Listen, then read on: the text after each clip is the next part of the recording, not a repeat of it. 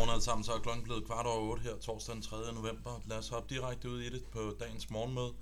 Øh, først og fremmest så skal det lige siges, efter de slides, som jeg går igennem her nu øh, kort, jamen så vil vi få Ulrik Bie på, som vil give en status på det økonomiske udsigter for, for Danmark efter valget her. Men først og fremmest så kan vi starte med at gøre ny reklame for Mikkel Soppe, som kommer på her på mandag, hvor han vil snakke omkring vores nye afdeling, BIX US Aktier ESG Universal. Så endelig hør efter morgenmødet på mandag, hvor han vil gå igennem det en lynhurtig gennemgang af ellers en meget begivenhedsrig dag i går.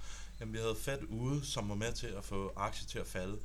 Vi så egentlig, at Fed de var ude og kommunikere, at øh, hastigheden med de her renteforhøjelser, som vi har set op igennem 2022, den begynder at aftage. Man forventer altså, at vi har lagt de her 75 basispunkter hikes bag os, så vi nu kan se ind i en periode, hvor det bliver 50 punkter og de mere normale 25 punkter, som vi ser frem for os. Men samtidig med, at du fik den besked, så var Powell også ude at sige, at vi sandsynligvis kommer til at ende med en højere terminal rate end tidligere planlagt. Det blev indikeret et niveau omkring 5%, og det var altså lidt over den markedsprisning, som peakede på små 4,6% før Fed-mødet. Vi så også fedt kommentarer om, at de ikke frygter recessionen. Deres alt overvejende fokus er på at få inflationen ned, så de er villige til at stramme den amerikanske økonomi ind i en recession for at få noget slag ind i arbejdsmarkedet.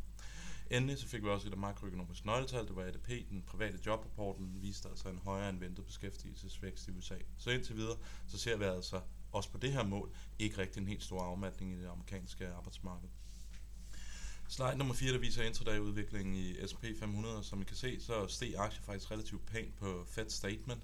Det var med fokus på, at man nu kunne se en reduceret hastighed af de her renteforhøjelser. Men når Powell kom på og begyndte at snakke omkring, at øh, ja, terminal rate den kunne være højere, at vinduet for at ramme en soft landing, det begynder at snævre sig ind, jamen så så vi altså, at aktien faldt relativt kraftigt, og S&P 500 ender 2,5% ned for dagen.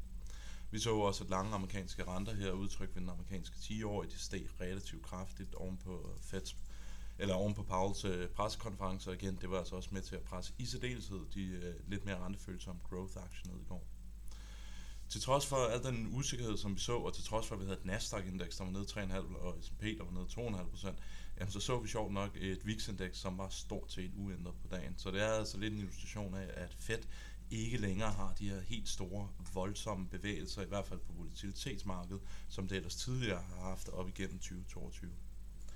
Ser vi på slide nummer 7, jamen, så kan vi se prisningen af Fed for 22, 23 og 24. Som vi kan se, så røg prisningen for 2023 relativt, relativt markant op. Vi ligger nu på 4,8. Det er det, der er forventet, at vi skal slutte året med. Og går man ind og ser intra 2023, jamen, så ligger man i øjeblikket og priser en Fed Funds Rate, som piker rundt april måned med lidt over 5% penge. Så det var altså en hårdkys reprisning af Fed, som vi var vidne til i går. Og jeg gør altså om det her hurtigt, fordi Ulla kommer på efter mig her. Øh, slide nummer 8, ja, der ser vi så øh, udviklingen i ADP. Den private arbejdsmarkedsrapporten kom ud i 239, det var ventet 185. Så altså en beskæftigelsesvækst, der var stærkere end det, som analytikerne havde forventet.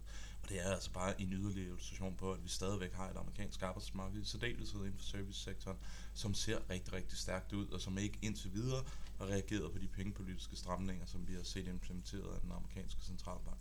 Husk på, at vi får non-farm i morgen, og den kommer til at give yderligere en indikation på styrkelsen i det amerikanske arbejdsmarked. Endelig, sidste øh, slide, som jeg har med, det er udviklingen i faktorer og sektorer for det amerikanske arbejdsmarked, og som I kan se, ikke helt overraskende på en dag, hvor vi så relativt kraftigt stigende renter, jamen så så vi meget kraftig performance growth i forhold til value. Vi så også for første gang i et par dage en defensiv rotation, hvor de cykliske aktier de lå underperformet de defensive aktier. Endelig så også underperformet small cap aktier målt ved Russell 2000 og large cap aktier. Det, der kommer til at være i fokus i dag, det er et marked, der sandsynligvis skal fordøje den fældemelding, som vi fik i går. Får vi faktisk en del makroøkonomisk data. Vi får durable goods, vi får ISM services, vi får også challenge job cuts, og endelig så kan vi bare bemærke, at de asiatiske markeder, de ligger nede. Amerikanske aktiefutures, de lå oppe, da jeg startede med at skrive markedsfokus her for morgenstunden, men vi er nu begyndt at komme, øh, komme lidt ned igen. Med den meget, meget korte øh, intro, jamen, øh, så vil jeg give ordet til dig, Ulrik. Kan du tage over?